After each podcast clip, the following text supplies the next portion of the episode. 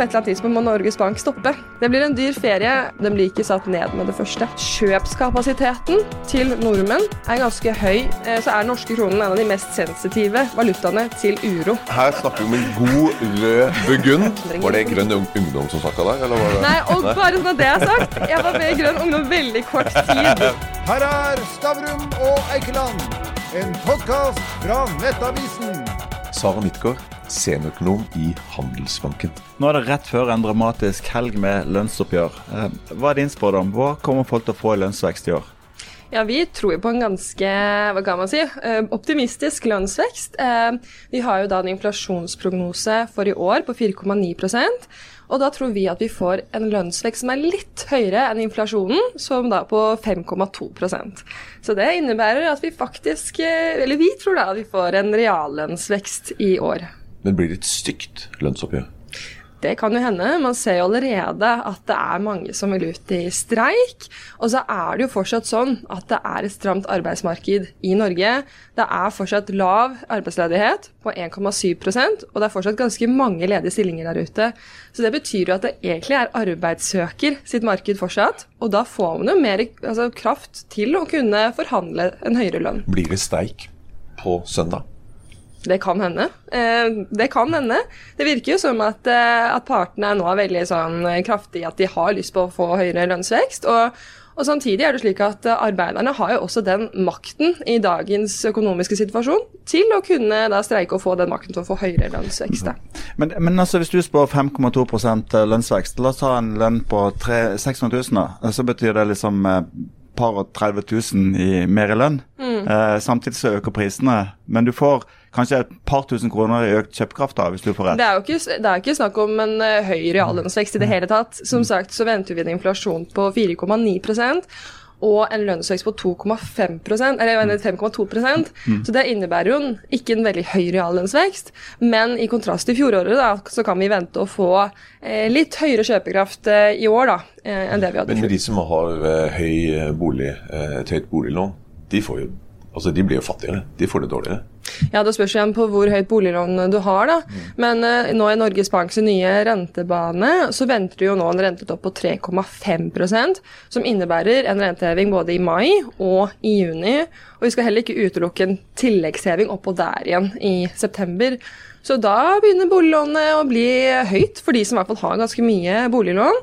Og det innebærer jo da sånn boliglånsrente på nærmere 5% Så det kommer til å merkes i lommeboka på de som kanskje har lånt litt vel mye i forhold til inntekten sin, nærmet seg fem ganger inntekt. Så det kommer til å merkes til sommeren. Mm. Men vi må plassere litt, for du, du har jo på en måte blitt en ny stjerne på eh, Mange kaller deg for sjeføkonom, men du er jo seniorøkonom, da. Men du, er på denne himmelen. Eh, du er- kommer fra Nesodden. Du har en, mørk bakgrunn fra Grønn Ungdom. Du drev med basket. Men det jeg skulle inn på nå, er at du skrev masseoppgaver som er lest om de norske boligprisene og hvilken effekt pengepolitikk kan få for boligprisfall. Strøyk du nå som vi ser at, eh, at rentene heves uten at boligprisene synker? Stikk i strid med din eh, analyse? Eh, nei, den gikk veldig bra, for å svare på spørsmålet ditt. Men jeg tror nok heller det motsatte. Nå må man jo huske at eh, renteeffekten er én effekt. Og det er en isolert renteeffekt som man ser på der. Og så er det jo masse andre ting som også har skjedd i boligmarkedet, som også påvirker boligprisene, ikke bare renta. Så den isolerte effekten, altså den isolerte renteeffekten, eh, som jeg også skrev om i den masteroppgaven, den er nok sterkest i Oslo. Og det ser man også tydelig også, sånn høsten i fjor, at det var i Oslo man virkelig så en nedtur i boligprisene, i sammenlignet med Norge totalt sett. da. Og nå er det jo veldig mange forhold som påvirker boligprisene. Og igjen, nå har det faktisk bygget nærmest rekordfå eller tillatelser til rekordfå tillatelser, byggetillatelser i Oslo gjennom hele fjoråret. Det påvirker også boligprisene i Oslo, samtidig som at vi ikke må glemme det vi nettopp har snakket om, arbeidsmarkedet, lønnsvekst. Det demper også mye av det boligprisfallet. Så nå kan vi prate veldig mye, men en siste ting her, det er at eh, man sier jo at eh, en renteøkning da, på ca. 1 prosentpoeng påvirker boligprisene negativt med ca. 10% Og da ville man jo tenkt, men hvorfor har ikke boligprisene kollapset, da? Med tanke på hvor mye Norges Bank har hevet rentene de siste årene. Men så er det lønnsveksten, ikke sant. Fordi man sier at eh, en, en endring i lønnsveksten på ca. 1% det øker boligprisen med ca. 1% veldig sånn overfladisk. Så hvis man venter en lønnsvekst i år på nærmere 5% så demper jo det boligprisfallet med 5% Ok, det var et bra forsvar. Jeg regnet med at du fikk A siden du etterpå jobba i Norges Bank og sånt. Men, eh, men det, var, det, var, interessant at du skriver om et så aktuelt tema, da. Men ja. En annen konklusjon fra, fra, oppgaven din er på en måte at Oslo og altså Du skriver om sentralisering, og på en måte at Oslo gjerne kan reagere først, men at, men at effekten sprer seg til hele Norge etter hvert? Ja. ja. Det, og det er det man ser. for jeg tror Sånn som i Oslo da, og i byene, så ser man jo at husholdningene har mer gjeld i forhold til disponibel inntekt, spesielt i Oslo. Som er egentlig helt naturlig, siden boligprisene har steget så mye i hovedstaden de siste årene. Og da må man ta mer lån. Og da blir man jo også mer sensitiv når renta endres. Både når den settes opp, men også når den settes ned. Så når den settes ned, så handler det om begrensninger på tilbudssiden, som gjør at boligprisene fyker mer opp, folk tar mer gjeld. Men når renta da blir satt opp, så er det der boligprisene også faller mest. Men på sikt så ser man jo det at boligprisene blir jo påvirket av realøkonomien, og hele poenget med å øke rentene er jo for å dempe også inntektsveksten, for å dempe inflasjonen, som igjen påvirker kjøpekraften til nordmenn. Som da påvirker boligprisen i hele landet. Men det tar litt lengre tid, da. Men for å avslutte den disputasen, hva, hva ja. tror du blir utfallet for boligprisene? Altså, Kommer vi til å få et kraftig boligprisfall med alt du nå ser? Eh, nei, eller ikke et kraftig boligprisfall. Vi tror jo at snitt dette året her mot snittåret i fjor vil vise et boligprisfall på 2,1% så det er jo ikke noe dramatisk i det hele tatt. Eh, og det kommer jo av at vi har hatt noen vår og starten på året som har vært ganske altså, friskt. Eh, men vi tror jo at boligprisene vil falle litt mot sommeren, og mer enn det som er normalt. Vanligvis er jo folk på ferie, de er ikke på visninger i juni og juli.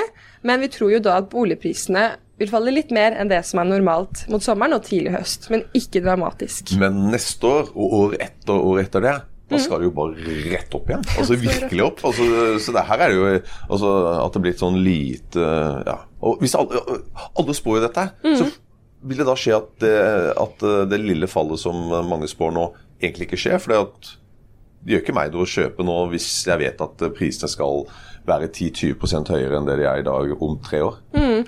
Men så er det jo finansieringskosten, da, og bankene skal på en måte gi deg et lån. Så når da Norges Bank med vilje prøver å stramme inn finansielle forhold for å påvirke realøkonomien, så vil jo det påvirke også hvor mye lån kan faktisk banken gi til deg, da. Så selv om man tenker at men på sikt så vil boligprisene øke, så vil jo boligprisene, altså hva du på en måte må bruke av penger da, for å kjøpe den boligen, den prisen blir jo høyere når renta er høyere. Og bankene vil jo stramme litt mer inn på finansielle forhold, som jeg vil påvirke hvor mye lån vil en bank gi til deg og meg. da, ikke sant? Så det kommer da til å påvirke boligprisene om man vil eller ei. Altså En korreksjon man så i løpet av høsten, det skjedde ganske raskt. Jeg tror nok boligprisene falt litt mer enn det mange så for seg, altså måned for måned. Men samtidig så skjedde den korreksjonen ganske raskt. Eh, og nå har jo da boligprisene økt i starten av året, men jeg tror nok at når de nå skal klinke til med to nye rentehevinger, rentehevingen fra mars er nok ikke vist i boligpristallene helt ennå, at man da vil se at det vil falle litt mer mot sommeren. Men ja. du har jo akkurat kjøpt ny bolig. Ja. ja. Så du tenker ok, det er bare å For dette skal jo opp. På sikt, så. Vi tror jo det, er, Og det igjen handler jo om igjen, alle disse forholdene som jeg har snakket om. da om at det nå blir bygget altså gjennom hele fjoråret ble gitt eh, litt over 1700 byggetillatelser i Oslo. Og det som er normalt, er 3000. Og det sier jo seg selv, og ifølge Prognosesenteret sine tall, de har jo tall på faktisk altså spade jorda-igangsettinger, altså ikke bare tillatelser. Men det man ser der, er jo at tillatelsen har begynt å falle mer en, eller igangsettingen har begynt å falle mer enn byggetillatelsene som ble gitt gjennom fjoråret. Som betyr det kommer nok enda færre boliger på markedet. Så det er politikerdrevet, eh, det at vi har hatt eh, disse høye boligprisene i Oslo. Altså at de gir rett og slett eh, for uh, få tillatelse til å bygge nye boliger, bygge, nye byggefelt osv. Det er en kombinasjon av flere ting. Altså For Oslo sin del så har det vært en begrensning på tilbudssiden i mange år. Så det er på en måte ikke noe nytt. Eh, og det igjen kan jo bl.a. handle om at man ser at behandlingssiden behandlingstiden da, for å få gjennom en byggetillatelse i Oslo, den er det høyeste hvis man sammenligner med andre kommuner i Norge. Eh, så der, det kan jo på en måte politikerne jobbe noe med. Men eh, sånn som det er nå, er det nok flere forhold, bl.a. også igjen litt politikere, da, boliglånsforskriften og endringer i egenkapitalkravet for sekundærboligkjøp i Oslo fra 40 til 15% det gjør jo at det kan bli mer gunstig da, for flere som har litt penger til overs, å investere i en eh, bolig. Eller ikke litt penger, da, men du må ha litt penger, mer penger enn det. Men investere i en bolig i Oslo. Så nå er det mange forhold som, eh, som påvirker. Men Og en aller, aller siste ting, beklager, men aller siste ting, men det er det at man ser at kjøpskapasiteten til nordmenn er ganske høy sammenlignet med boligmassen sin eksisterende verdi. Så selv om rentene stiger nå, så er det slik at nordmenn har ganske mye å gå på, da. I hvert fall av de rikeste, hvis man ser på de 50% rikeste nordmennene. Men uh, vi journalister vi skal jo skjære gjennom og feilsitere litt. Så hvis vi skal ta oppsummering så langt, så kommer vi til å få et lønnsoppgjør som ender på 5,2% som er 0,3 prosentpoeng høyere enn prisstigningen. Så vi får litt mer penger i, i, i potten. Eh, Så kommer vi til å få et lite boligprisfall, men på lengre sikt kommer det til å stige, særlig i Oslo. Men nå skal vi snart på ferie, og krona har jo svekka seg kraftig. I en tid hvor vår viktigste eksportvare, energi, har steget enormt, og vi har et oljefond som jo er sinnssykt høyt. Hvorfor i all verden vil ikke utlendinger ha norske kroner? Det er mange forhold som påvirker den norske kronen, men jeg tror et veldig viktig forhold som man ikke må glemme, som man kan si er nesten en av de viktigste driverne til kronen, er jo risikoappetitt og altså usikkerhet i den internasjonale økonomiske situasjonen. Og hvis man tenker gjennom hele fjoråret, da, hvor man hadde en, situasjon hvor gassprisen tok seg betydelig opp i Europa, nå har gassprisene falt, men selv med høyere gasspriser øh, så var det da usikkerheten i internasjonal økonomiske situasjonen som trumfa kronen og gjorde at kronen har vært veldig svak. Eh, Det er jo det ene forholdet. Det andre forholdet er jo det at eh, rentedifferansen til utlandet tar seg opp. Etter alle de år hvor vi i Norge har hatt eh, høyere styringsrente enn eurosonen, så har jo nå eurosonen tatt oss eh, igjen med en styringsrente på 3,5 og det er jo ventet at rentetoppen i utlandet blir høyere enn rentetoppen her hjemme. Og det igjen er jo disfavør mot krona, så det også fører til at krona svekker seg isolert sett. Så det er rett og slett veldig mange forhold som påvirker krona akkurat nå. Hva tror du om kronekursen fremover, da? Vi tror faktisk at krona kan svekke seg litt til eh, Wow, wow, frem wow. mot sommeren. Dyr ferie. Ja, Det blir en dyr ferie. Eh, Vi tror i hvert fall mot eh, dollar at den kan svekke seg bitte litt til. Vi kom med nye prognoser var det i forgårs, faktisk. Eh, og det igjen handler jo om all den usikkerheten vi står oppe i. Nå har det vært bankuro i USA. Og eh, jeg tror, nå er det også igjen snakk om det blir en resesjon i USA eller ikke. Det er mange som begynner å spekulere på det. Og med den usikkerheten man har, da, så vil nok investorer heller gå mot tryggere havner, som er dollar, enn små valutaer som norske kronen. Eh, og så tror jeg det har, vært, det har vært mye spekulasjoner da, om at altså, norske kronen er nå liksom svekket, og den vil holde seg der. Altså, vi er i en ny type fase, da, eh, kan man si, i historien. Eh, hvor det igjen kan handle om at man på sikt tenker at olje det skal ut. Eh, det er kanskje ikke det som er bærekraftig på sikt. Eh, og at Norge, som da er såpass avhengig av olje og gass, da, blir en da mindre attraktiv eh, valutakurs. da. Hva hadde skjedd hvis vi hadde vært eh, med i eurosamarbeidet? Eh, Jeg tror nok ikke det hadde vært heldig eh, for Norge, i hvert fall sett i de siste 20 årene. Nå er jo norsk økonomi veldig ulik europeisk økonomi. Eh, Vi er jo veldig, som jeg nettopp nevnte, avhengig av oljeinntektene. Og når oljeprisen stiger, så er jo det bra for måte, oljeinvesteringene i Norge og norsk økonomi for øvrig. Men så er det negativt for nesten alle andre europeiske land som er en nettoimportør av olje. Og olje brukes i innsats som innsatsfaktorer da, i så mange forskjellige varer og produksjon. Så det har en negativ konsekvens for den europeiske økonomien, men positiv konsekvens for den norske. Så hvis da man hadde hatt en felles valuta da, med eurosonen, og i den type situasjon ville den europeiske sentralbanken, ECB, valgt å sette ned renta, i en situasjon hvor vi kanskje burde hatt en høyere rente i Norge. Men den danske krona den er jo pegga mot, uh, mot euroen. Mm. Uh, og den har jo steget med 50% i forhold til norske kroner på ti år. Uh, så, så sånn sett så ville jo den norske krona ha vært mye sterkere. Og det hadde vært billigere for oss å reise til Syden. Jo, men så må man jo også huske på hva som er riktig for den økonomien som man er i. da. Jeg tror nok at vi kan være takke Norges Bank for at man har hatt en egen hva kan man si, valuta, en egen pengepolitikk. I og med at norsk økonomi har vært såpass ulik. da, Vi har hatt et annet inflasjonsmål i mange år. Vi hadde jo 5,2 2,5 eh, mens våre handelspartnere har ligget på 2% Og det igjen er jo fordi at det var ventet at Norge ville få såpass høye oljeinntekter, slik at det ikke ville hindre den økonomiske veksten da, med å ha et for, for lavt inflasjonsmål. Så vi hadde et annet inflasjonsmål enn våre handelspartnere lenge. Det er sånt vi ikke kunne hatt hvis vi skulle, hatt, hvis vi skulle hatt et felles valutamål. Da. Så, og det tror jeg nok også kunne ha bidratt til at uh, norsk økonomi da, kunne hatt en bedre vekst disse årene. Men, må, Men tilbake til lønnsoppgjøret. Eh, eh, fordi at eh, Nå er vi i en rar situasjon hvor eksportindustrien jo har et kjempefordel av at kronekursen er så lav. Den går jo så det fosser. Så har vi en frontfagsmodell hvor det er eksportindustrien som får sette lønnsoppgjøret. Hvordan skal vi få folk til å bli lærere og sykepleiere og jobbe der vi trenger å flytte arbeidskraften med dagens frontfagsmodell?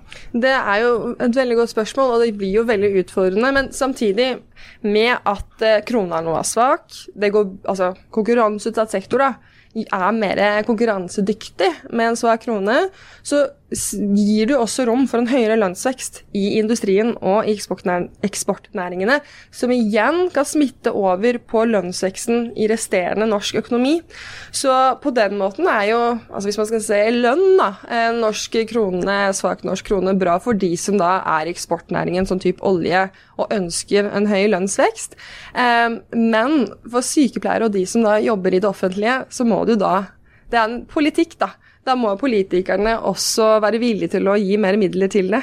Men det er, Men- det, er, det er det jo ikke, og det har det ikke vært på mange år. De er jo ikke villige til å gi mer eh, enn en eh, frontfagene får fram.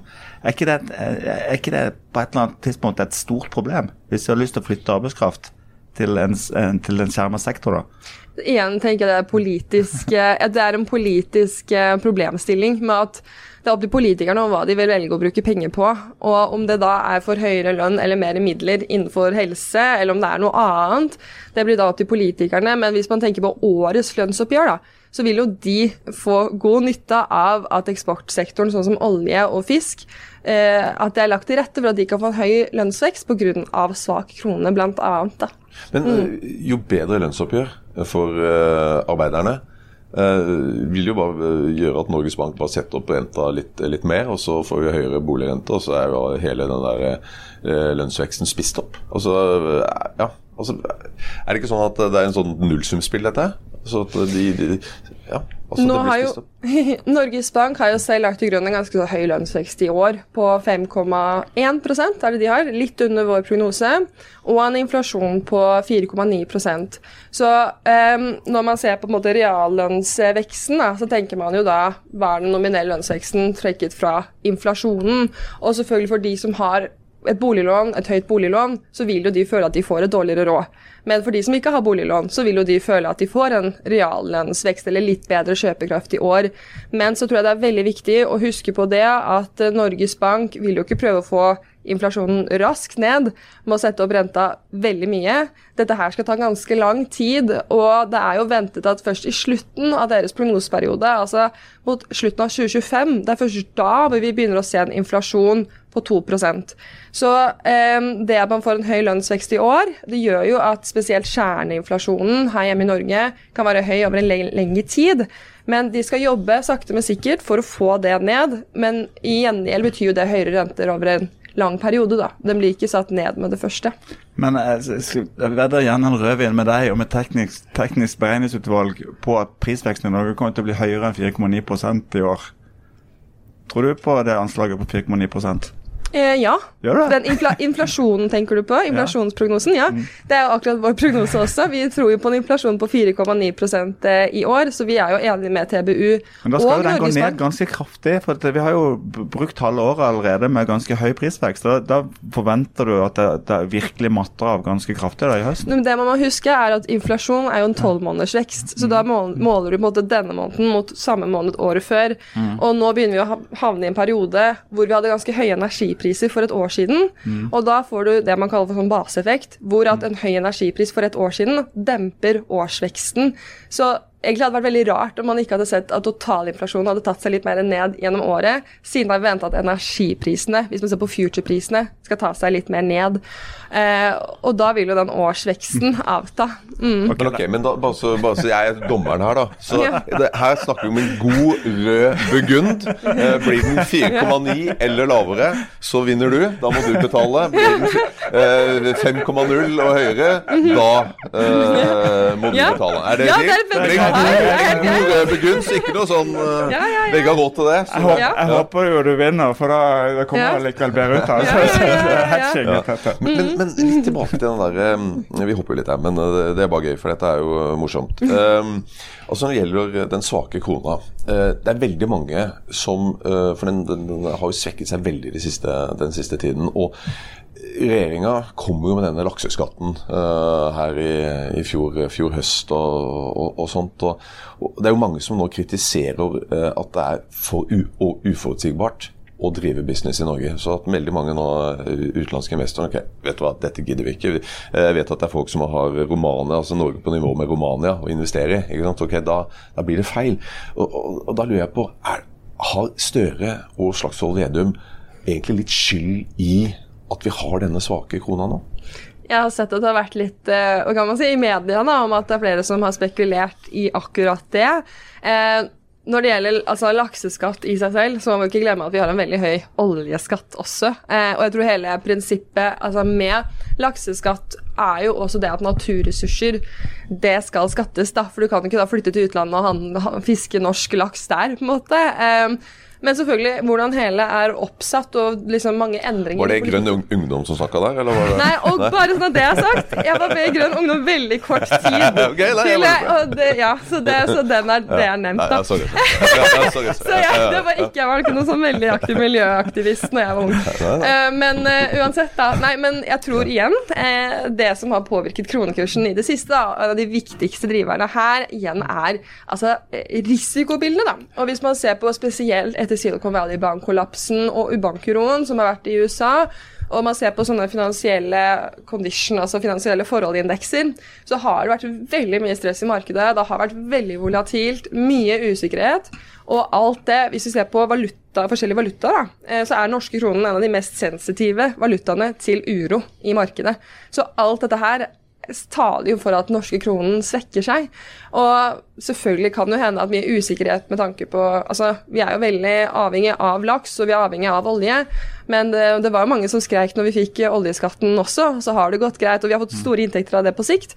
Men så er det jo selvfølgelig hvordan er det den skatten skal etableres, da. Men øhm, det kan jo ha litt effekt, men jeg tror at den internasjonale uroen er uten tvil eh, det viktigste, da. Den viktigste driveren nå. Du, du nevnte stikkordet, nemlig altså volatilitet, eller det at uh, kronekursen svinger ekstremt. For det er så, det er så, vi er jo bare en liten bitte valuta på et stort opprørt verdenshav. Jeg så en artikkel i går som da hevder at dere bankfolk det at dere tar en ekstra fridag, gjør at uh, krona blir utrolig utsatt for spekulasjon i påska. Kan det være et tiltak at dere ikke fikk påskeferie? Ja, kanskje vi skal begynne å jobbe i påsken. kanskje det hindrer kronesekkelse. Nei, men Det igjen handler jo om liksom likviditeten i den norske krona. Og det har jo vært litt, og det har jo vært både økonomer som har vært veldig usikre på hvorfor har krona svekket seg mye de siste liksom, dagene. da, eh, Og at noen har pekt på bl.a. det. At vi hadde en ekstra ferie i dag, og det var synd for den norske krona. Men jeg tror nok at man skal ikke henge seg opp i sånne dag-til-dag-svingninger. At man må se liksom det store og hele bildet. Og nå har jo den norske krona svekket seg da, eh, gradvis over en god stund, og nå veldig svak. Og da er det ikke bare hendelser i påsken som påvirker det, men selvfølgelig, det kan jo ha, det har en innvirkning det òg, med likviditeten i kronen. Men det er på en måte hele situasjonen vi står i, da. Og, og hvis man tenker også på norsk økonomi, da, eh, og hva er det som skiller norsk økonomi med alle mulige andre land? Annet det at vi har veldig mye gjeld eh, og flytende renter. Og med det så tror jeg vel også at eh, internasjonale investorer kan tenke at ok, Norges Bank de kan ikke komme opp like høyt som f.eks. Fed, ECB. At hvis dette inflasjonsproblemet da, viser seg å være enda mer problematisk enn det vi vet her i dag, og de andre internasjonale sentralbankene setter opp rentene enda mer, så på et eller annet tidspunkt må Norges Bank stoppe, og der skaper det enda større rentedifferanse. Men er ikke det litt rart, da, hvis du ser tilbake på din hovedoppgave, eller din masteroppgave, at uh, altså det du sier er på en måte at i USA så har jo de aller fleste bundet renter på boliglånene sine. Så selv om bankene setter opp renter, så tar det lengre tid før den renteeffekten uh, ordentlig treffer den vanlige forbruker. Mens i Norge så treffer det jo nesten umiddelbart. Vi får jo brevet fra banken nesten før Norges Bank har sagt ja. Så hvorfor slår de ikke ut raskere uh, på, på boligpriser og alt det andre her i Norge? da? lá. Nå slo du ut ganske mye på boligprisen i høst, som du husker det. Eh, så det har skjedd. Men så har det jo stoppa ganske tidlig. Eller den korreksjonen skjedde nok ganske mye raskere enn det mange hadde trodd. Og så må vi bare ikke glemme bakteppet her, med pandemi og tvungen sparing. Nå den mersparingen eh, gjennom pandemien, altså vi tenker fra det tidspunktet vi begynte å handle mindre enn normalt, hvor vi måtte sitte hjemme og kjede oss og ikke kunne dra på kafé osv., til det tidspunktet hvor vårt konsum var litt mer normalt igjen, så var den mersparingen nesten 12% av husholdningenes disponible inntekt. Det er ganske så mye. Så all den mersparingen da, kan vi nå ha brukt det siste året på å holde konsumet høyt, og på å holde den økonomiske aktiviteten i gang også, da. Og så har jo nå, altså med nullrenter over så lang periode, ganske så kraftige offentlige stimulansepakker. Og med den gjenåpningen da, og den konsumeffekten og veldig lav ledighet, så har, har, jo det vært en ganske si, brennhet økonomisk situasjon i Norge, som vi ikke må glemme det bakteppet der. da. Og Derfor tar det også litt tid. Derfor må man sette opp renta ganske raskt og mye for å dempe det hele som har skjedd. da. Vi må nærme oss, eh, nærme oss landing og da stille et rituelt spørsmål til deg som, eh, som eh, seniorøkonom. Du har akkurat kjøpt bolig. Bandt du renta? Nei, jeg har ikke gjort det. Kanskje jeg burde ha gjort det, men jeg har ikke gjort det ennå. Vi får se hva som jeg ender opp med å gjøre. Da, enn så lenge flytende, da. Du fikk Stavrum og Eikeland, en podkast fra Nettavisen.